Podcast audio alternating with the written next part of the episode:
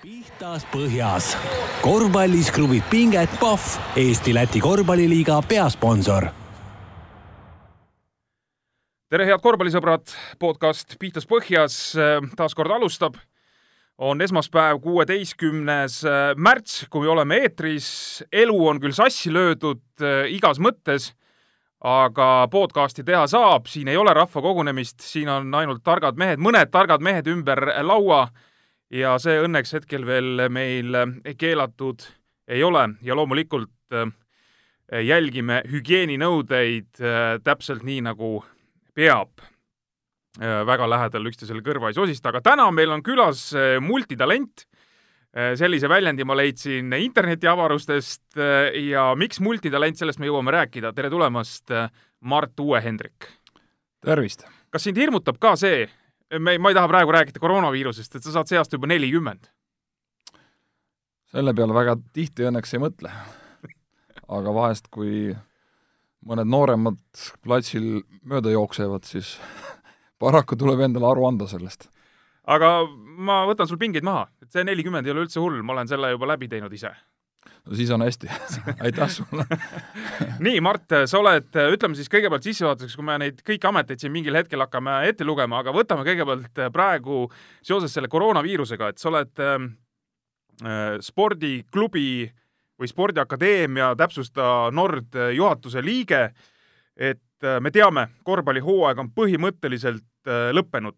korvpalliliit ütles, et kõik asjad on peatatud, ma ei tea, kas on juba lõplikult peatatud, et see hooaeg üldse enam ei mängita seda ma tahakski kõigepealt sinu käest küsida, kas on korvpalliringkonna sees otsus vastu võetud? jah, täpsustuseks siis spordiklubi Nord juhatuse liige. spordiklubi Nord juhatuse liige, jah. ja jah, paraku see seis täna on selline, et on täiesti uus olukord. kõik sarjad on peatatud kuni esimese maini, ühtegi kohalikku mängu, ühtegi välismängu ei toimu turniirid jäävad ära, vähemalt kuni esimese maini, aga ilmselt äh, on oht, et äh, see, see mõju on veel pikem ja kindlasti kõik klubid on väga keerulises olukorras. ja siin ma kutsungi üles kõike, kõikide võib-olla klubide siis äh, toetajaid, lapsevanemaid, et et teie toetus on, on eluliselt oluline, et, et ellu jääda ja, ja ilma sellise ühise pingutuseta noh, on väga keeruline edasi minna. ellu jääda selles plaanis, et et kas siis nii-öelda vanemad, kui isegi kui ütleme, kahe, kahe kuu jooksul näiteks mitte midagi ei toimu, lihtsalt ei lubata, et äh, ei saa treeninguid teha, võistlusi ei ole, et äh, liikmemaksud oleks ikkagi tore maksta äh,, ikkagi oleks tore, kui sponsorid kas või mingisuguse osa nii-öelda paneks ikkagi sinna, mis on kokku lepitud, kas hädavajalik oleks ka, ma ei tea, riigi abi, et, et vastasel juhul sa näed, sa oled juhatuse liige tegelikult olnud juba pikemat aega, et kuidas need süsteemid toimivad, et äh, ikkagi läheb väga keeruliseks, kui ütleme, sealt mingisugust riigipoolset abi ka ei tule.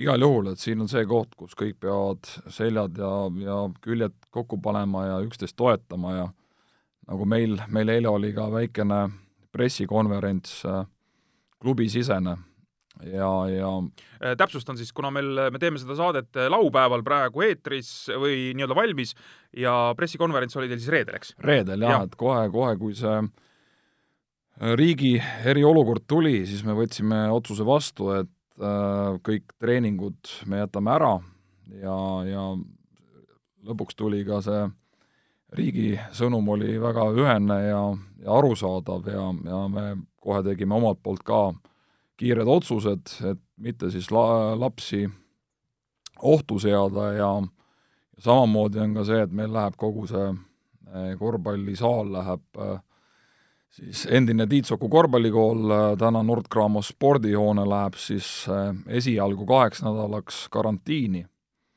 ja, ja vaatame, mis siis edasi saab. ja, ja loomulikult meie jaoks kõige suurem prioriteet on meie treenerid.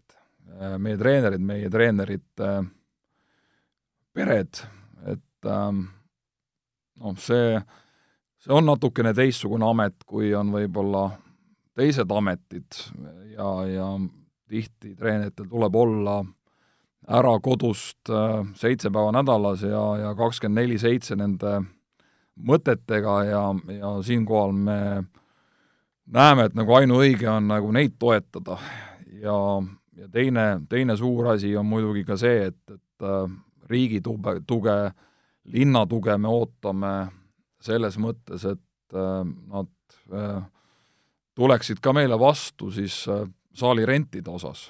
Ja, ja eriti keeruline seis on meil siis see, et me rendime täna siis Tallinna linna tööstusparkidelt ähm, seda Nordkramo spordihoonet ja, ja siin äh, see omavaheline koostöö ja suhtlus ja, ja vastutulek, et me kindlasti nende peale loodame, täna küll eile ma selles mõttes äh, ei saanud päris ühest vastust selle kohta, et äh, et nemad ütlesid, nad on aktsiaselts, meie ütlesime, me oleme MTÜ, et vaatame, kuhu see asi siis jõuab.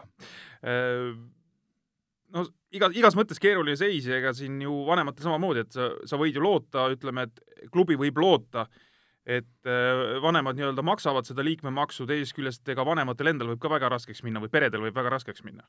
jah, siin ongi see, see olukord, et ma usun ka, et nüüd on väga oluline ka, et kui pikk see periood on. et kui see, sellele asjale saab äh, ütleme siin kuu ajaga nagu joone alla tõmmata ja, ja peale seda, seda läheb normaalne elu edasi, et siis kindlasti on, on, on üks olukord. on mõju väiksem ikkagi, eks? et kui see olukord on selline, et äh, see on pikem periood, noh siis, siis ongi see, et kõigil läheb see elu väga keeruliseks ja, ja, ja nii täna me näeme, et nii hotellindus kui ka äh, kui ka siis toitlustussektor on, ma arvan, kõige suurema löögi all ka samamoodi. absoluutselt. Äh, kas sa ütlesid praegu siin äh, jutu käigus on ju, et treenerid on, on väga oluline klubi jaoks ja, ja, ja see ongi nii, et aga kas, kas olete juba saanud ka mingisugust sellist noh, nii-öelda kartlikku tagasisidet, et et treenerid on juba rääkinud, et ei tea, kas ikkagi noh, varasemalt, kui need otsused juba siin praegu ütleme konkreetselt vastu võeti, aga varasemalt, et, et et noh, ikkagi seal kontaktid, värgid, äh, me ei tea, nende kodust olukorda näiteks või kus nad käivad, kellelgi on seal juba kool suletud näiteks, on ju, varasemalt oli, oli üks kool kinni pandud, võib-olla teil seal ka grupist oli näiteks, käisid seal koolis, mis iganes, et et äh, juba varasemalt selliseid signaale, et, et äkki ei tasuks, et, et äh, kuidagi selline kõhklev olukord? noh, treenerite poolt ei olnud seda, et küll oli see, et kui Kristiine gümnaasium läks äh, karantiini, siis noh, siis oligi, et kuna riigilt päris otseseid sõnumeid ei saanud, siis meie seisukoht oli selline, et äh, noh, see oli nagu treeninggruppide kaupa ka, et noh, mina ütlesin kohe, et need, kes on äh, minu lapsed, selles mõttes minu treeninggruppide lapsed, et siis need on, äh, nendel on kahenädalane karantiin ja, ja me selle kohe kehtestasime ja, ja teistele siis andsime nõuandeid, mida siis Terviseamet oli andnud. Aga esmaspäevaks oli juba ka olukord selline, et noh, oli aru saada, et äh, asi läheb hullemaks ja, ja siis me tegime ka selle otsuse, et, et Kristiine gümnaasiumi lapsed ei saa üldse treeningutel osaleda. selge, väga konkreetne ja, ja ütleme, selline tundub vähemalt tark lähenemine. et äh, mis, mis nüüd saab, räägime korvpalli, teil on küll teisi alasid ka seal peale korvpalli, eks, aga räägime korvpallist, kuna saade on äh, nii-öelda korvpalliteemaline, et äh, mis nüüd saab siis äh, korvpallipoistest ja tüdrukutest, et äh, mis kuidas nad nii-öelda sporti edasi saavad teha? noh, täna me oleme siis äh, vanematele ka andnud nagu teada, et me, me oleme olemas, me ei kao kuhugi, ühtepidi see suhtlus lapsevanemate ja treenerite vahel võib-olla sellel perioodil võiks olla intensiivsem ja äh, ja võib-olla me saamegi tegeleda nende asjadega, mis on vahepeal soiku jäänud. mida me siis omalt poolt tegime, on see, et kõikidele lastele ja lapsevanematele saatsime laiali treeningkavad, mida nad saavad siis sellel vahepealsel ajal täita. see on siis metsajooks või? metsajooks, üke ja noh, kindlasti paljudel on ka väljas korvid olemas ja, ja hoovis, et et sellega saab nagu tegeleda, noh, mis täna on, et et mis on ka riigi poolt suunised, et äh, selliseid massilisi kogunemisi ei ole, aga see ei tähenda seda, et et va-, värskes õhus ei peaks liikuma, et mitte ennast liigutama, et, et see kindlasti, kindlasti on oluline, et ähm, ei jäädaks televiisori ette ja, ja diivanit kaunistama. Jaa, ja seal on neid nutiseadmeid ka veel, kusjuures ma olen isegi mõelnud, vaata Mart, et et nüüd selles olukorras, kus me täna oleme, nutiseadmed on ju väga vahva, nad saavad üle neti mängida, nad ei peagi kogunema, vaata, meil on see kogunemise keeld, eks, et nad ei pea kokku saama. ja nüüd on neil need seadmed olemas, me oleme justkui nagu mingis mõttes ette valmistatud selles, selleks olukorraks, mis praegu on kätte jõudnud. Jah, kindlasti see tiim toimib edasi ja nad seal netis möllavad ja, ja meil, minul siin oma poistel ja tüdrukutel on ka oma see grupp, see grupp ja, ja suhtlus on väga aktiivne ja, ja see selles mõttes kindlasti on vähe teine olukord kui omal ajal siin paarkümmend aastat tagasi, kui meie veel seal põllu peal olime, et siis siis oli see elu natuke teistmoodi üles ehitatud, aga aga see jälle ühtepidi, et igast klippe saata ja treeningkavasi ja ja, ja tegelikult see omavaheline suhtlus seal ja see tiimi vaim kindlasti on parem võib-olla kui, kui mingi aeg tagasi. Äh, just. Äh, vahetame teemat, läheme nüüd konkreetselt ikkagi sinu juurde, kuidas sa nii-öelda korvpalluriks äh, oled siin saanud ja selle korvpalli juurde jõudnud, et ma alustuseks küsin võib-olla natuke ootamatu küsimuse, et et ufosid usud, et see ei ole nüüd seotud selle karantiini teemaga, aga see on ühe su lapsepõlve teemaga seotud, et, et sa vist isegi aimad, eks, miks ma seda küsin? jah, tuleb tuttav teema küll, et oli siin sa oled nimelt siis Igor Volke ufoloogi äh, poegadega koos palli taga jäänud? nii on, et äh, kunagi sealt äh, nende Volkede hoovist see korvpallipisik nagu külge hakkas ja ja kui sa küsid, et kas ma ufosi usun äh,, noh, võib-olla usun, aga ma ei ole nüüd selline aga näinud ei ole? fanaatiline ja näinud ei ole, et võib-olla poisikesena niimoodi vilksanud ja noogutanud kaasa ja jah, oli, aga aga niisugune tõsimeelne ufode austaja ma ei ole.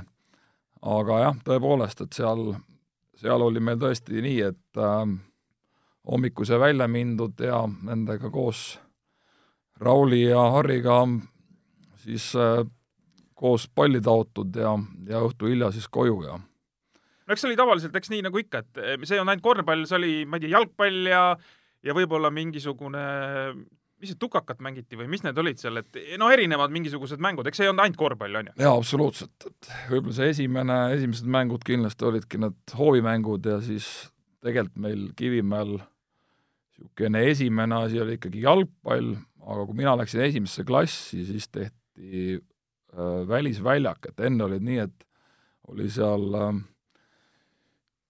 lihtsalt kivine plats, äh, kaks korvi, mis olid siis maa seest väljas, aga siis õnneks, kui kooli sai mindud, siis pandi need korvid, korvid sinna maha ja, ja läks siis, kohe läks korvpalli peale üle, et. Ja, ja noh, edaspidi, kui vähe vanemaks sai saadud, siis tegelikult oli päris naljakas olukord, et saalivõtmed olid minu käes. Kaheksandas Kivimäe põhikool, jah. siis äh, aga miks, oota, ma küsin ära, miks need sinu käes olid?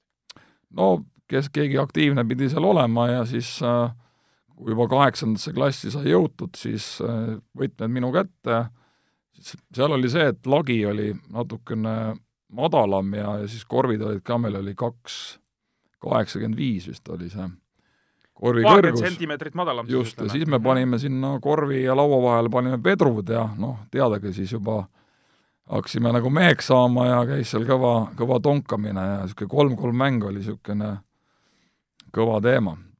aga, aga selles mõttes on hea, et me selle teemani jõudsime, et äh, seal oli kaks asja, et ma esimest korda vile panin suhu sealsamas ja ma mäletan, ma vilistasin, ma olin kuuenda klassi poiss ja vilistasin üheksanda klassi kla-, noh, klassidevahelised mängud, üheksanda klassi poiste mängu ja siis ma mäletan, ma vilistasin esimene mäng kohe parima mängija, vilistasin viie peaga välja ja no pärast ma ikka kuulsin mitu nädalat kooli peal, et noh, kui, kui hea kohtunik ma olen, et, et sealt noh, natuke võib-olla kasvas sellist äh, väikest rasva peale. ja teine teema kindlasti, mis äh, sealt nagu tuli, on seesama, et ma olin kaheksandas klassis ja ma, kuna oli seitsmenda klassi poisid olid, kes tahtsid jubedalt trenni teha, siis ja võtmed olid minu käes, siis äh, ma hakkasingi neile trenni andma. esimene treeneri kogemus tuli ka sealt. sealtsamast? Kivimäe koolist, jah. Äh, kuule, sa oled siis ju väga julge vend juba noorest peale olnud, kui sa oled kuuenda klassi mees ja ja siis ütleme, üheksanda klassi kutid äh, seal kõige kõvemad vennad väljakul viie peaga saadad pingile. jah, ma pean mainima, et Gerd Kiili oli ka selle, selles klassis, aga Gerd Kiili siis nagu oli küll parim mängija, aga see nagu tema nagu parem käsi, kes kolmesed viskas, et et, et tema siis sai viie, viie Aa, pingile. täpsustame, et Gerd Kiili oli parem, see teine mees oli siis tegelikult nagu äh, ütleme, viis miinus, nagu noh, selles mõttes äh, selle kõige parema mehe parem käsi siis, jah? just, just mm. -hmm noh, kes viskas ka hästi kolmesed ja nii edasi. no see oli sul muidugi praegu oluline täpsustus, et vähemalt see sai ära klassitud, eks? just, just. nii äh,, muide, ma pean äh, vahemärkusena lihtsalt siia vahele ütlema, et kohtuniku teema juurde, et siin Piitas Põhjas saates on siis kohtunikest juba käinud Rain Peerandi, Aare Halliko ja Ants Eeks, nii et sa oled auväärsel neljandal kohal, ei ole üldse paha. no ei ole paha, et niisugused vennad on ees jah, et, et võib-olla see, võib-olla see järjekord oleks pidanud teistpidi olema, et Ants, Aare ja, ja Rain. jaa, selles mõttes ma olen sinuga nõus. see on, see on nagu võib-olla sinupoolne väike niisugune äh, apsakas, aga vaata, Antsul lihtsalt tuli selline ilus daatum ja me ootasime, me ootasime seda momenti ja siis me saime, saime selle nii-öelda ära tehtud. aga äh, kui me nüüd oleme korvpalli juures juba ja läheme sealt, ma ei tea, kas me läheme Kivimäe koolist, ei vist mitte, sa oled ikka endiselt seal Kivimäe koolis, aga siis sa hakkasid käima treeningutel. ja, ja ma tahtsin lihtsalt äh, öelda seda, et äh, kas me võime siinkohal mainida sellise lause, et äh, sa oled saanud kõige karmima korvpallikooli, mis Eestis tol ajal saada oli? jah, kindlasti see, ilmselt see nii oli, aga aga tegelikult äh, siis tõele au andes siis äh, tegelikult äh, sai väga õige mehe käe alla satutud. Äh, Allan Torbek ja Oktoobri rajooni spordikool. just. meil tegelikult äh, oligi nii, et äh, enamus äh, seal Kivimäe kooli poisse ikkagi siis äh, alustas seal Allani käe all ja püsima muidugi jäid kaks, oli Kristo Reinumaa ja mina. teised no hea seegi absoluutselt. et ega selles mõttes, et alati on räägitud, kui grupist tuleb, ma ei tea, kaks-kolm venda, on juba väga hästi. nii on. sa ja... vist oled ise enda pealt juba ka kogenud seda, eks või? ma mõtlen oma treeningtöö viljade pealt. jaa, ikka jah, et äh, nüüd on muidugi lootus suurem, et tuleb vähe rohkem neid, et äh, valikut on vähe rohkem ja lapsevanemad on rohkem asja taga ja, ja noh, tegelikult on kõik piirid on ka valla, et et äh, et loomulikult loodame, et, et sealt tuleb neid talente ja uusi, uusi tähti, kes seda Eesti korvpalli veavad. aga Oktoobri rajooni spordikool oli siis vanasti, vähemalt mulle tundub niimoodi, noh, nii-öelda Vene ajal, ikkagi selline klubi või, või ütleme, kool või, või ütleme, spordikool, nii nagu ta oli, eks, spordikool, et kus äh, lati noh, lati alt minna ei tohtinud, et seal latt oli kõrgele seatud ja seal nii-öelda tehti tulemust kogu aeg. Teie vanusegrupis ka? nii oli, et noh, meil oli hommikuse poolses grupis oli nelikümmend poissi ja õhtupoolses grupis oli natuke küll vähem, aga, aga noh, see valik oli päris suur ja, ja kindlasti see hulk, kes sealt läbi käis, et äh, seega meie vanuses oli kindlasti veel oluliselt suurem ja, ja noh, eks kokkuvõttes sealt ju kõik alguse sai ja kõik tunnevad kõiki ja ja, ja samamoodi see Tallinn-Tartu vastasseis ja et ähm, nii on. Äh, Eesti meistrid noorteklassides ka või? kõik vanused. kõik vanused, jah. aga mis oli võib-olla selline eriti magus, oli see, et äh, A-klassis siis äh, me olime aasta nooremad ja mängisime äh, Väike-Maarja vastu, kus oli teine legendaarne treener Aivo Erkma ja oli ka väga hea punt. ja me olime kõik aastad neile kogu aeg kaotanud ja kaotanud konkreetselt ja suurelt. ja, ja siis finaalturniiril äh, juhtus niisugune lugu, et noh, me tegelikult oli niisugune, vihkasime seda satsi, sellepärast et nad olid natukene ülbed. Äh, ütle mõni mängija ka, kes seal mängis näiteks. Randar Luts, Remi Aare äh,, Ando Tagamets. ahah no nii. Lehar Leito, äh, Sven Pugonen. no ikka, ikka on mehi, kes jõudsid ikka meistriliiga tasemele välja. jaa ja., et äh, aga niisugune noh, aasta nooremana ikkagi niisugune sportlik viha oli väga suur, ja, ja ma mäletan, me olime, Poolal olime miinus kakskümmend ja siis äh, tulime sealt võitjana välja ja noh, see oli ikka niisugune niisugune magus kogemus ja noh, loomulikult seal treenerite teema ka, et ega siis Allanile kunagi kaotada ei meeldinud ja ta, tal ei olnud Aivoga ilmselt ka kõige paremad suhted ja, ja see, see oli tõesti, kus sa nägid, et treener oli nagu nii-nii õnnelik, et äh, noh, siis ma ei, päris täpselt ei saa rääkida, aga mäng sai läbi, ütlesime nii, treener, palun poe ette. Äh, käisime poes ära, treener oli roolis, mingi hetk läks lauluks ka, nii et äh, on, mida meenutada. Kuule, ja selle laulu asja me võime ka nüüd siia kohe selles mõttes ära rääkida, et kusagil on kirjutatud, et sa oled kõva laulumees. ja mina olen kuulnud lihtsalt äh, kuluaarides, et sa oledki kõva laulumees, et kui on mingisugune koosviibimine, äh, seal on juba, ütleme, selline tuju on üleval, siis sina oled see mees, kes laulu üles võtab, sa, aga ma saan aru, et see ei ole mitte niimoodi, et sa laulad kõvasti ja valesti, vaid sa lauladki normaalselt, sa oled äh, poistekoori poiss. jah, kunagi tegelikult äh, korvpall tuli vahele, et, et äh, esimesed kaks klassi ma käisin Tallinna poistekooris, noh siis tuli korvpall, siis selle jaoks enam sellisel tasemel aega ei olnud, et, et äh, Liidi Raul oli meil siis äh, ko koorijuht ja, ja aga noh, mul jah, seal natukene äh, solfedžod ja need polnud absoluutselt minu teemad, ma ei saanud muhviga aru seal ja äh, ja parema meelega ikkagi läksin sinna korvpalliväljakule. Mhm. ja, ja noh, seal Kivimäe koolis ega kedagi laulma polnud väga panna, seal aktustes siis ikka, või no oli küll loomulikult, meil oli tore koor ja nii edasi, aga siis meil oli üks niisugune vahva eestvedaja, Reet Rekkor niisugune mängis äh, klaverit ja tegi ise sõnu ja, ja pani siis mind ikka laulma ja, ja siis kuidagi läks sujuvalt, et kui sai üheksandast klassist sikki mindud, siis seal ju ka väga neid, kuidas öeldakse, eesrindlik ei olnud ja noh, siis ma panin kuni kaheteistkümnenda klassi mm -hmm. lõpuni ja, ja, ja no siin tänasel hetkel kuulsatest äh, meestest siis äh, Alar Varrakuga sai seal äh, lauldud ühel ak-, aktusel äh, Taas sajab valget lund ja noh, olime tehtud poisid kuni keskkooli lõpuni. välja, jah. et ühesõnaga, kui küsida, kes on äh, TSIK-i või siis Eesti Spordi Internatkooli või Audentese aktustel kõige rohkem äh, laulnud, siis tõenäoliselt on see Mart Uuendrik. ja siin on kindlasti esikoht. kindlasti kindel esikoht, jah. ja ja siit veel tervitused Kalev Kruusile ja tema klassile, kes peale siis oma äh, kaheksanda klassi lõpu, või tähendab, kaheteistkümnenda klassi lõpuaktust ütles, et thanks, et sa rikkusid meil tänase nagu tore, toreda peameeleolu ära, et tulid, rikkusid oma lauluga ära asja. et tervitan Kalevit siit äh,. muide, kui sa juba siin Kalevi mängu tõid, ma küsin, kas äh, Jesper Parve ei ole sind juhuslikult kirjutanud raamatusse Minu kari?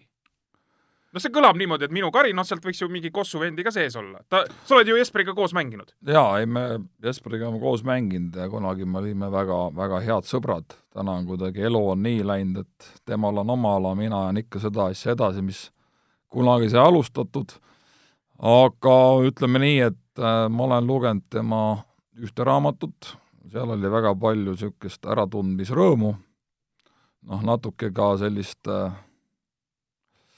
skepsisse, sest kui sa inimest lapsest peale tunned, siis noh, seal natuke no las ta olla. las ta olla, jaa, las ta olla. aga, aga seal nii-öelda ikkagi sa ennast ei tundnud ära? Ei, kindlasti mingid olukorrad olid loomulikult, et kogu see meie teema jooksis sealt läbi, et aga ma ütlen, ma ei ole kahte raamatut lugenud, et võib-olla ma peaks need läbi töötama ja siis äkki leiad mõne Mardi sealt? just et see lootus püsib. nii, äh, üheksakümmend üheksa aasta vaatan Eesti U kakskümmend koondis Euroopa meistrivõistluste turniir, nagu ikka, eks mängitakse suvel. ja Mart Uue-Hendrik pundis. Äh, ma no lihtsalt olen nagu ajas edasi läinud, sa tegelikult mängisid neid turniire vist juba varem ka, eks on ju? ja, ja, ja siis äh, mängisite äh,, see turniir oli Lätis Riias vist ja võitsite Leedut Te küll sellest alagrupist edasi ei saanud sinna finaalturniirile, aga võitsite Leedut, kuidas see juhtus? jah, selles mõttes äh, suures pildis ikkagi see turniir läks meil väga tuksi. aga mul on hea meel, et äh,, et ma seal koondises olin. kes seal siis, ütleme, kõige säravamad tähed olid selles koondises või?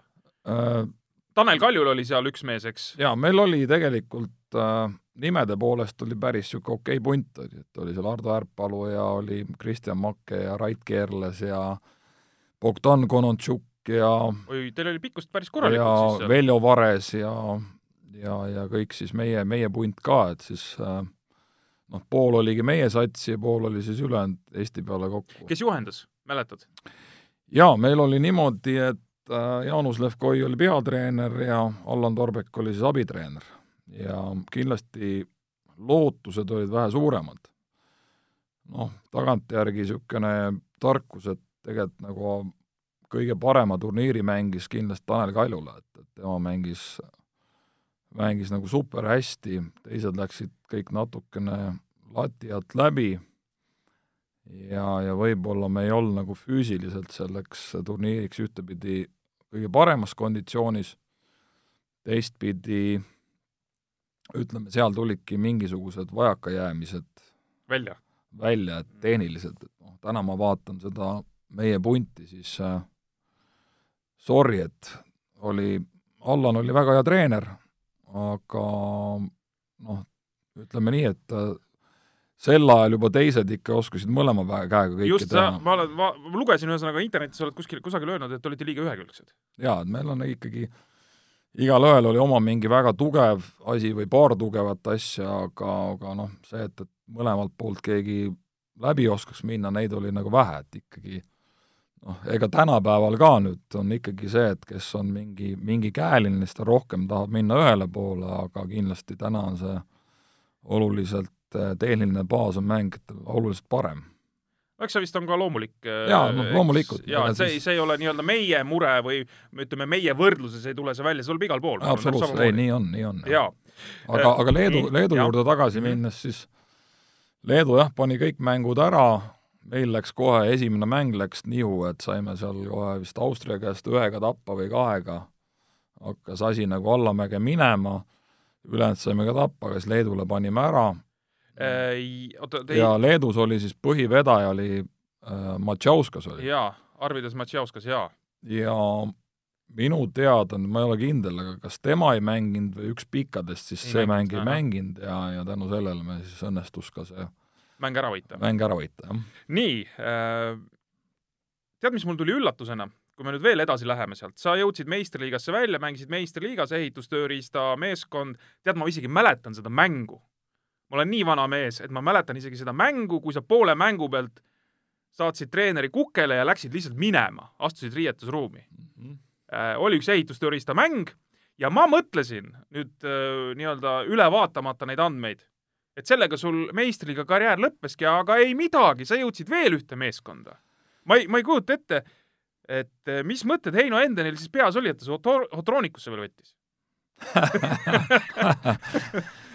jah, ei, see igal juhul Heinole tänud ja, ja et, et ta mind sinna kutsus, et ähm, aga see oligi niimoodi, eks, et see pool, ühesõnaga sel hetkel, kui sa äh, nii-öelda tõmbasid konkreetselt joone alla selles plaanis ehitustööriistameeskonnaga või, või sa ei tõmmanud konkreetselt? tegelikult see on niisugune, kuidas öeldakse, sa jõuad mingisse ikka ja, ja ma tundsin, et mulle tehti liiga ja mm, -hmm. ja Mhm. seal oli lihtsalt see case, et ähm, Allan oli väga hea treener, aga ta nagu mingitest asjadest nagu aru ei saanud. no tal olid mingid põhimõtted, ma arvan. no jaa, seal oligi, et point oli selles, et äh, äh, üks mängija viskas kolm korvi järjest, nii, esimese ta pani mulle, kaks tükki oli see, et meil oli vahetus, viskas teisele tagamängijale, võttis välja, time out, küsis, kurat, kelle mängija see on. noh, keegi midagi ei öelnud, on ju, noh, siis ma ütlesin, et see minu mängija, on ju. No ja siis tuli sealt niisugune laviin, on ju, siis ma ütlesin, et kuule, halloo, et no lihtsalt emotsiooniga läksin ära vahetasin riided ära, võtsin vormi, viskasin sinna talle riietusruumi ja kõndisin minema. noh, läks mingi aeg mööda. helistasin, saime tegelikult elu lõpuni väga hästi läbi, et ega seal ei olnud nagu mingit äh, probleemi temaga, aga lihtsalt äh, otsused tehtud minu poolt, tema poolt ja, ja siis mingi hetk tuli Heinolt tuli kõne ja, ja, ja kutsus treeningule. noh, too hetk oli see nagu, oota, mis, mis hooaeg see võis olla või? see oli, ma arvan, kaks tuhat üks, kaks. kaks, kaks tuhat üks, kaks, nii. jah.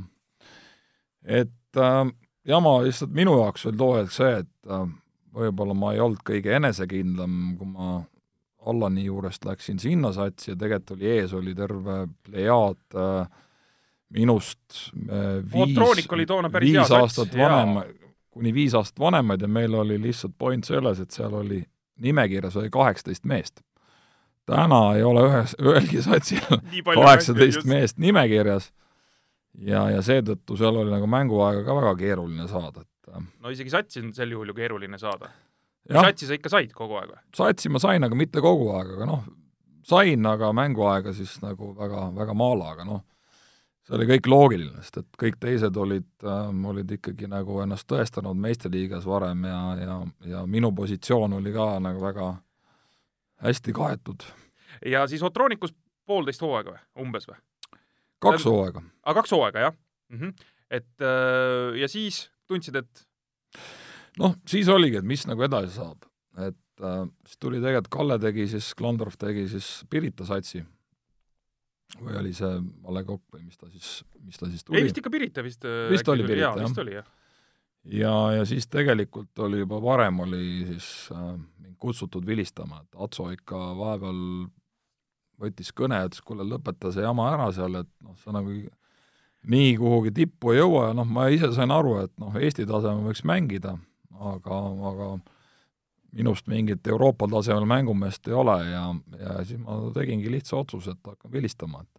kas see on, kas see tõdemus on kuidagi no väga halb ka või see tõdemus on just pigem vastupidi, ta on nagu vabastav, et tead, minu jaoks ei olnud probleem, sellepärast et tegelikult ma vilistasin esiliigat kuueteistaastaselt. seda ma lugesin ka kusagilt, jaa. kuueteistaastaselt ma juba vilistasin esiliigat, ma sain seal hästi hakkama. räägi sellest äh, Jüri Pritšini ärasaatmisest ka oo oh, jaa kui vana sa olid, kui sa ta ära saatsid?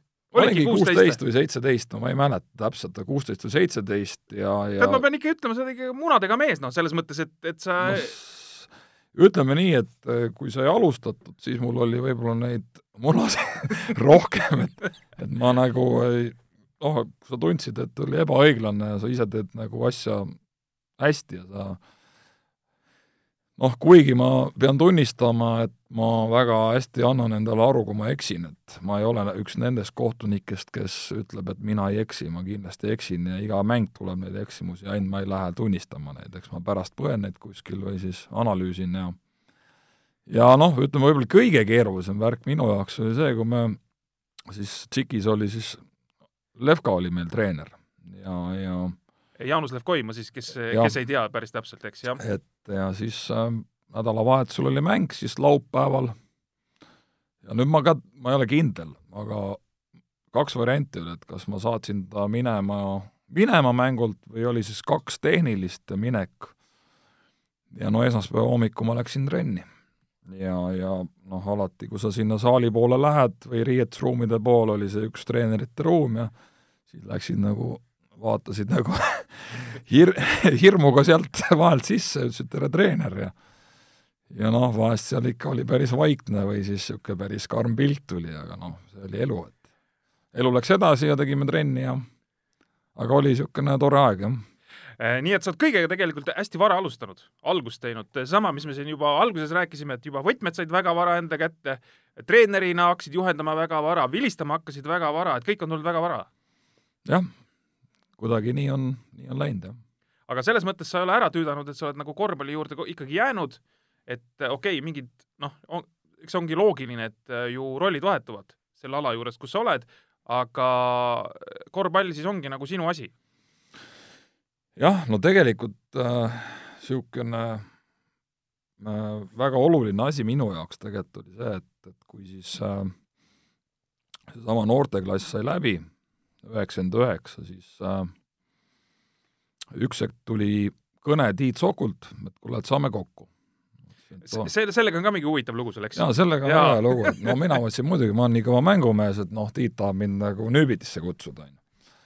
no ja siis äh, saime kokku ja ja siis hoopis tuli see uudis, et kuule, et äkki sa tahaksid treeneriks tulla ja, ja sa tegid suured silmad? ma tegin suured silmad ja mõtlesin, võtsin väikese sellise mõtlemisaja, aga aga noh, nagu, nagu ikka, siis äh, ega need otsused äh, pidid tulema kiiresti ja loomulikult ma olin valmis ja ütlesin loomulikult ma tulen ja, ja, ja tegelikult me Tiiduga oleme siis koos töötanud alates üheksakümmend üheksa ja üle kahekümne aasta juba? üle kahekümne aasta, jah. mul oligi kahekümne esimene aasta nüüd äh, saab täis. saab täis, jaa. kuule, mul lihtsalt praegu vaimusilmas mul tuli ette, et et äh, noor Michael Jordan, noh, kelleks ennast võisid pidada no,, läks, läks Tiit Soko juurde ja Tiit Soko ütleb, et tule treeneriks.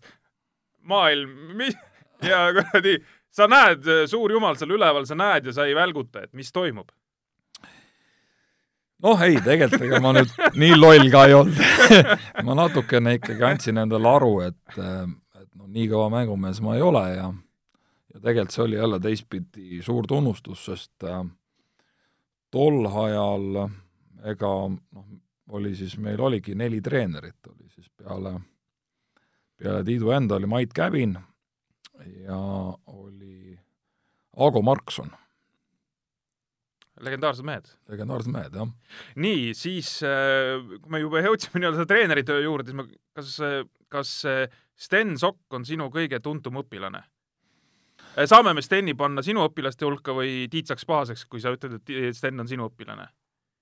Eh, no ei, loomulikult ta on ikkagi oma isa poeg ja, ja eelkõige nagu Tiidu õpilane, aga, aga mina käisin noh, nendega võistlemas ja, ja eks nendega neid piike sai seal kõvasti, kuidas öeldakse, lõhutud, et ega alguses oli ju see, et, et ega kui Tiitu ei olnud, pidin mina andma siis äh, seal oli, tegelikult oli kaheksakümmend kaheksa aasta poisid olid siis, kes siis väga paljud, Tanel Kurbas ja, ja kes siis jõudsid sinna ka nagu Eesti meestekoondise ja noortekoondised kõik.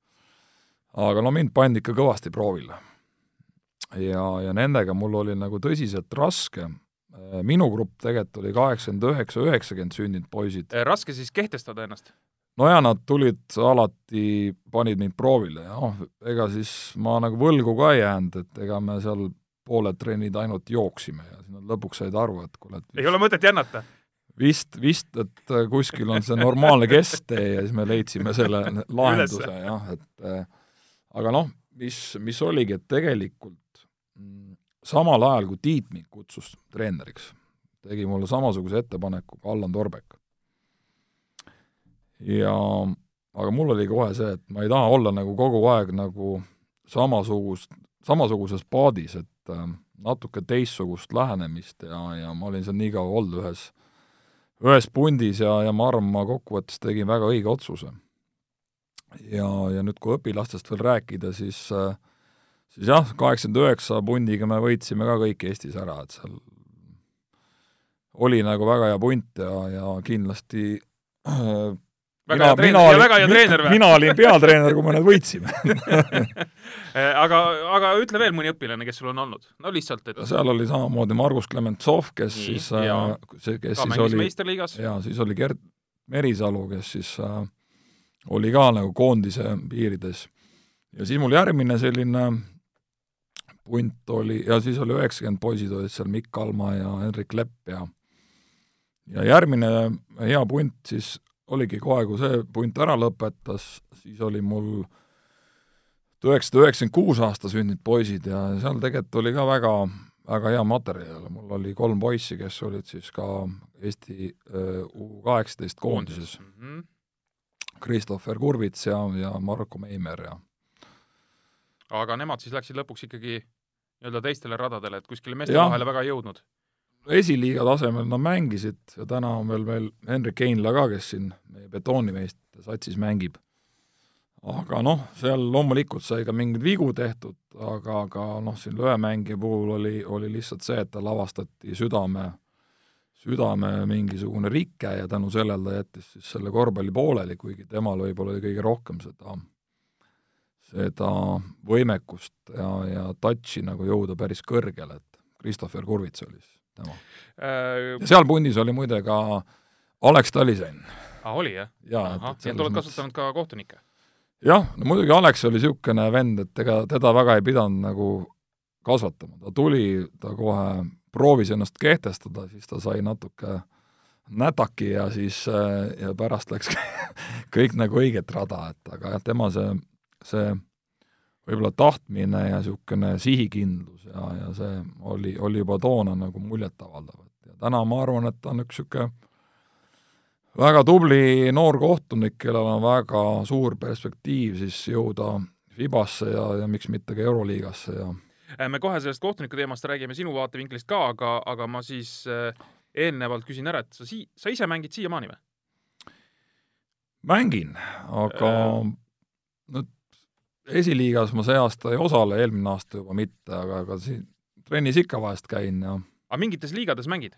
ei mängi üldse? no mängisin, eelmine aasta mängisin veterane, see aasta nüüd me ei pannud punti välja, aga ja nüüd mängin Swedbankiga, mängin Rahvaliigat, mängin selge, nii et põhimõtteliselt ikkagi hoiad ennast natuke toonuses?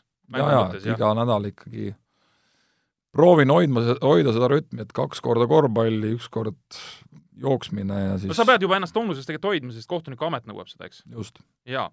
Äh, kahekümne viie aastaselt said FIBA kategooria, vastab tõele? vastab, jah. ka väga noorelt? väga noorelt ja, ja ilmselt natuke liiga vara. et me, aga Tanel Susloviga koos me siis selle saime äh, Bulgaarias kaks tuhat kuus. tegid ära mingi eksami? tegime eksami ära ja tegelikult konkurents oli toona väga suur.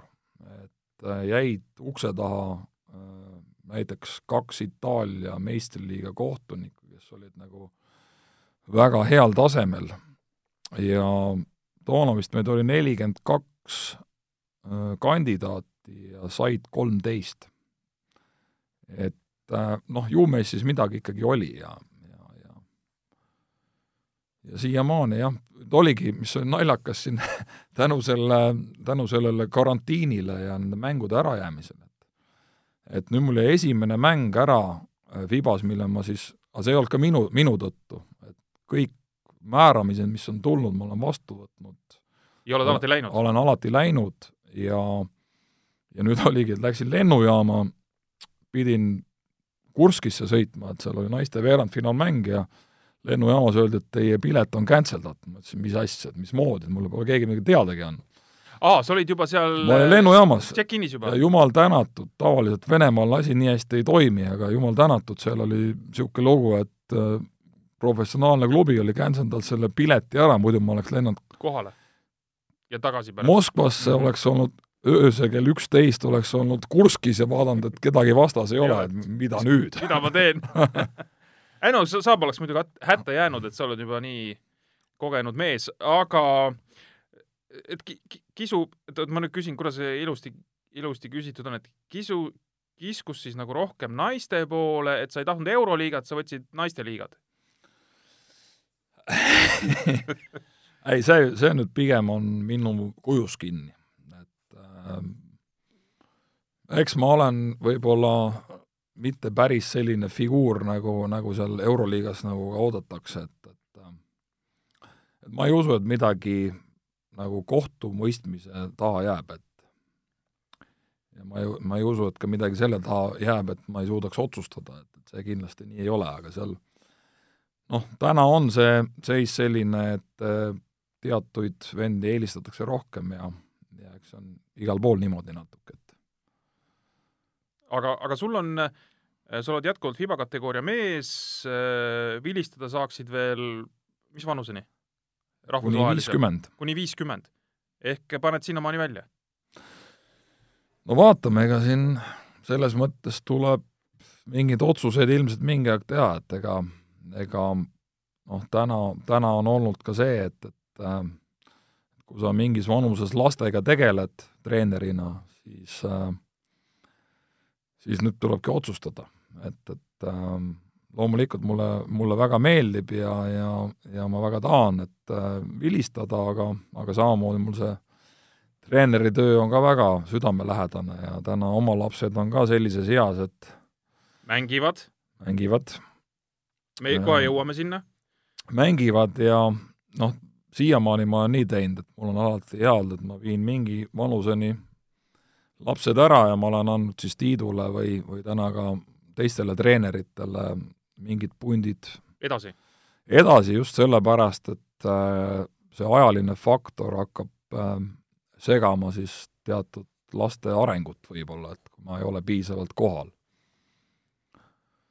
Äh, ma siin nii-öelda saate alguses mainisin, et äh, me jõuame sinu nende ametite juurde, et või ütleme, rollide juurde korvpalli ümber, mängija, kohtunik, treener, klubi juht, siis viimasena on siia tegelikult veel lisandunud tüdrukute treener, et treener küll, aga ma arvan, tüdrukuid ja poisse treenida on vist ikkagi natukene teine või sa ütled, et seal ei ole väga vahet?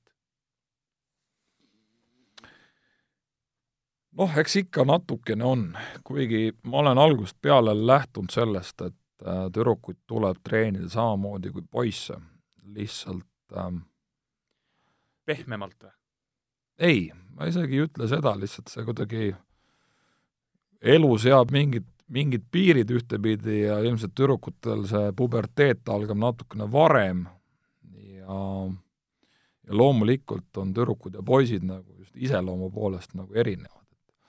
Tüdrukuid treenida on nagu super, nad on hästi kohusetundlikud, hästi kuulavad sind äh, väga hästi, mm, on hästi püüdlikud, hästi siirad aga solvuvad ka kiirem, kergemini või? solvuvad kiiremini, võivad solvuda kiiremini. võivu, tähendab jah, võivad, olgeme täpsed jah, et et selles mõttes äh, tuleb arvestada sellega? tuleb natukene arvestada, ma ei ole kindel, kas ma alati arvestan.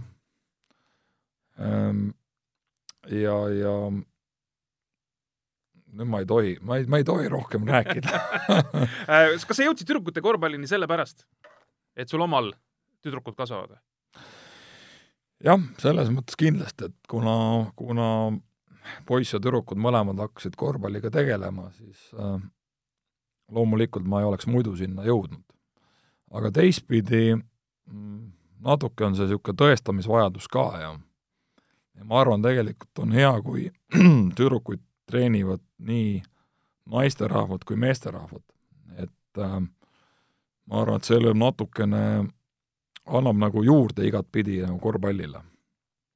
Äh, mis, mis ambitsioon, ütleme, tüdrukute korvpallis sul praegu on selles mõttes ambitsioon, et et sa ikkagi mängid seal tulemuse peale, ajad sa resultaati taga või lihtsalt, et, et tüdrukud nii-öelda tegeleks korvpalliga? ei no ikkagi, ma ikkagi tegutsen selle nimel, et äh, mõni mängija tuleks ja, ja tahakski tõestada, et kõik on võimalik. et ähm, töö käib ikkagi selle nimel, et sellest samast pundist tuleks, tuleks neid tüdrukuid, kes ka Eesti naistekoondist võiks vedada ja, ja kui, nagu sa ütlesid, et kui tuleb ühest satsist üks-kaks mängijat, siis on see super. ja teistpidi noh, ongi äge, et kui sul on poisid ja tüdrukud ja kogu see, kogu see niisugune äge punt ja siis on see ühishingamine ka vähe teistsugune klubis, kui on, on nii poisse kui tüdrukuid, ei no ega tegelikult ma just praegu jällegi niisugune uitmõte, et aga ongi ju, et kui sul tuleb üks-kaks kas või, eks, ja kui meil on neid punte siin Eesti peal ütleme kümme, siis ongi sul kakskümmend mängijat näiteks no, just, juhul, eks, see on, see on juba täitsa okei. Okay.. Äh, aga et äh, sa oled siis oma peres ka kõik pannud korvpalli mängima? Jah, mul on siis oma tütar, poeg äh,, naise tütar ja kõik äh, mängivad? kõik mängivad no,.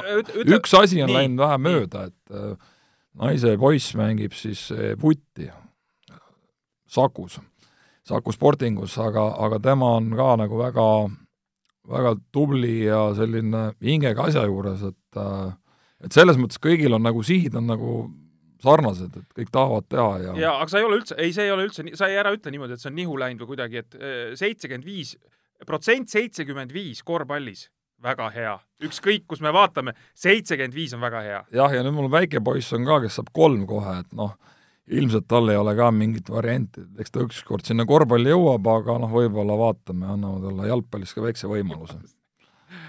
aga see on siis olnud kuidagi loomulik või nad on lihtsalt kaasas käinud või, või kuidas see, kuidas see juhtub niimoodi? Ei no ma arvan, et ma ikkagi olen natukene see, kes ütleb, et kuule, et nüüd hakkame seda tegema.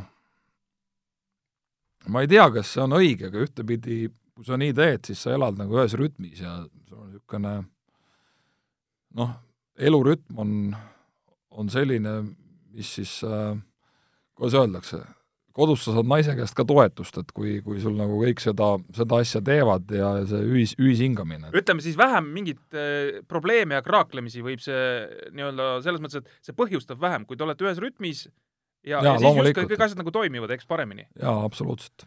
aga kui ütleme, nüüd laps oleks ikkagi öelnud, ma ei taha no,, ma ei taha, ma ei taha korvpalli, et siis oleks ikkagi nii-öelda andnud teise võimaluse? jaa, selline ma ei ole, et, et ütleks, et nüüd sa pead seda tegema, mida su isa tahab. et äh, selline isa ma ei ole, suunan küll, aga, aga, aga mit-, noh, kui on, ma olen viimasel ajal, ma olen just öelnud, et kui te ei taha seda teha, et jumala eest ei pea seda tegema. et aga ma olen näinud seda, et, et see, pigem on see vastupidi, et, täna on nad nagu sellised fännid ja ja tahavad nagu rohkem teha kui võib-olla varem ja vanused olid siis, äh, mis nad on, U neliteist sul äh, osad? jah, kolm, kolmteist. ja mängivad Kaks... U neliteist vanust või? jah, U neliteist, jah. U neliteist, okei okay.. et äh, no sa ise vist siis nüüd saad siis kuuks ajaks äh, paned telefoni endale kõrvale ja jalad seinale ja siis saad juhendada ja ja puhata ja noh, selles mõttes nagu, et ei pea, ei pea tormama kusagile no just täna hommik oli naisega sel teemal juttu ajama, ma ütlesin, mul esmaspäev, teisipäev, kolmapäev, juba on mingi üritus. aga ilmselt tuleb mingid no, asjad nagu vähe koomale tõmmata, et tegelikult äh, ma arvan, et see ongi see, et kõik inimesed peaksid tegelikult aru saama sellest, et ühtepidi see on väga karm olukord, aga teistpidi on nagu see hetk, kus tõesti võtta hoog maha ja tegelikult, kui me võtamegi seda tänast olukorda riigis, siis äh, me ei pea kuhugi tormama, et äh, väldime neid äh, rahvarohkeid kohti, panustame natuke kodule ja perele ja, ja kuu aja pärast läheb elu ilusti edasi. just, ja, ja tööasjad äh, päris paljud inimesed võib-olla saavad ikkagi ka kodustes tingimustes ära teha, et selles plaanis äh, nii-öelda niisugune normaalne elu ikkagi äh, peaks võimalikult palju siis jätkuma, et jaa, absoluutselt, ega see siis, arvutid on olemas kõigil, lapsevanematega saab suhelda, treeningplaane saab koostada, edaspidiseid mõtteid, mis turniirid, kuhu minna, mida teha. loomulikult see töö ei lõppe ju kunagi otsa, et lihtsalt võib-olla täna on see, see hetk, kus natuke saab aega maha võtta. Jaa, ja kellel on, on raskemad äh, ajad või ütleme, sektor on rohkem kannatada siin saanud, äh, siis loodetavasti jah, tõesti need äh, need olud siin meil muutuvad õige pea ja elu läheb normaalses rütmis edasi, nii et pidage vastu ja tead, Mart, meil on hea saade. ma ei, ma ei palu sul laulda siia saate lõppu, et äh, võib-olla ei taha ka kuulajad seda kuulda ma ei tea. ma ei ole muide kuulnud, kui sa, kui sa laulad. et aga ma, ma loodan, et üks, ükskord hetk tuleb. no loodame, ega ma siis kas sa mängid, kas sa mängid kitra ka? ei mängi. ei mängi, okei okay ilmselt kui ma kitra mängiksin, siis, siis ma laulaks ilmselt rohkem. viimasel ajal on vähe soiku jäänud, et. Äh, Rauno Pehkaga ei ole kunagi duetti tahtnud laulda? Raunol on omad lood sa oled, aa, need ei sobi sulle, ma saan aru, okei okay.. Raunol on väga head lood. tal on omad äk... lood, mida ma võib-olla ei oska aga sul on äkilisemad? ei, mul on ikka niisugused rahvaviisid või? rahvaviisid ja vanad Eesti, Eesti nagu lood, et need on niisugune ma ei tea, nendega on üles kasvatud ja, ja okay. ja nii on. aitäh sulle, Mart, sa tulid äh, rahva soovil, me jätame siis selle laulu ära täna.